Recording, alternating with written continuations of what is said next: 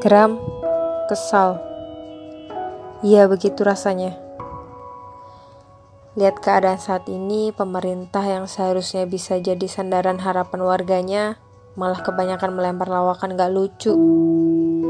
Ditambah sebagian orang dengan segala tingkahnya membuat semakin pelik.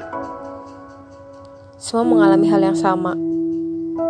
Perubahan besar, pengaruh berkepanjangan, keterbatasan, ketidakmudahan, dan harapan kita juga sama.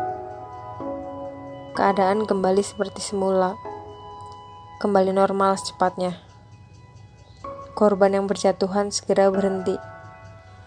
Kesehatan untuk kita semua tetap menyelimuti. Tapi semakin ke sini justru menjadi rumit. Kita menjadi saling tunjuk, mencari objek untuk disalahkan. Karena depan sudah semakin lelah. Yang mengikuti protokol merasa terhianati. Yang tercekik ekonomi tidak punya pilihan. Yang terus merugi, situasi menjadi semakin sulit yang tidak bisa menahan rindu menghalalkan segala cara.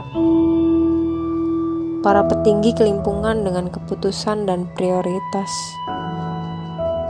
Kebutuhan dan kemanusiaan jadi terlihat bias. Lalu bagaimana? Bertahan. Kuatkan lagi komitmen perjuangan. Hadapi dan lewati semua ini. Pengorbanan tidak akan sia-sia. Oke, kita bisa.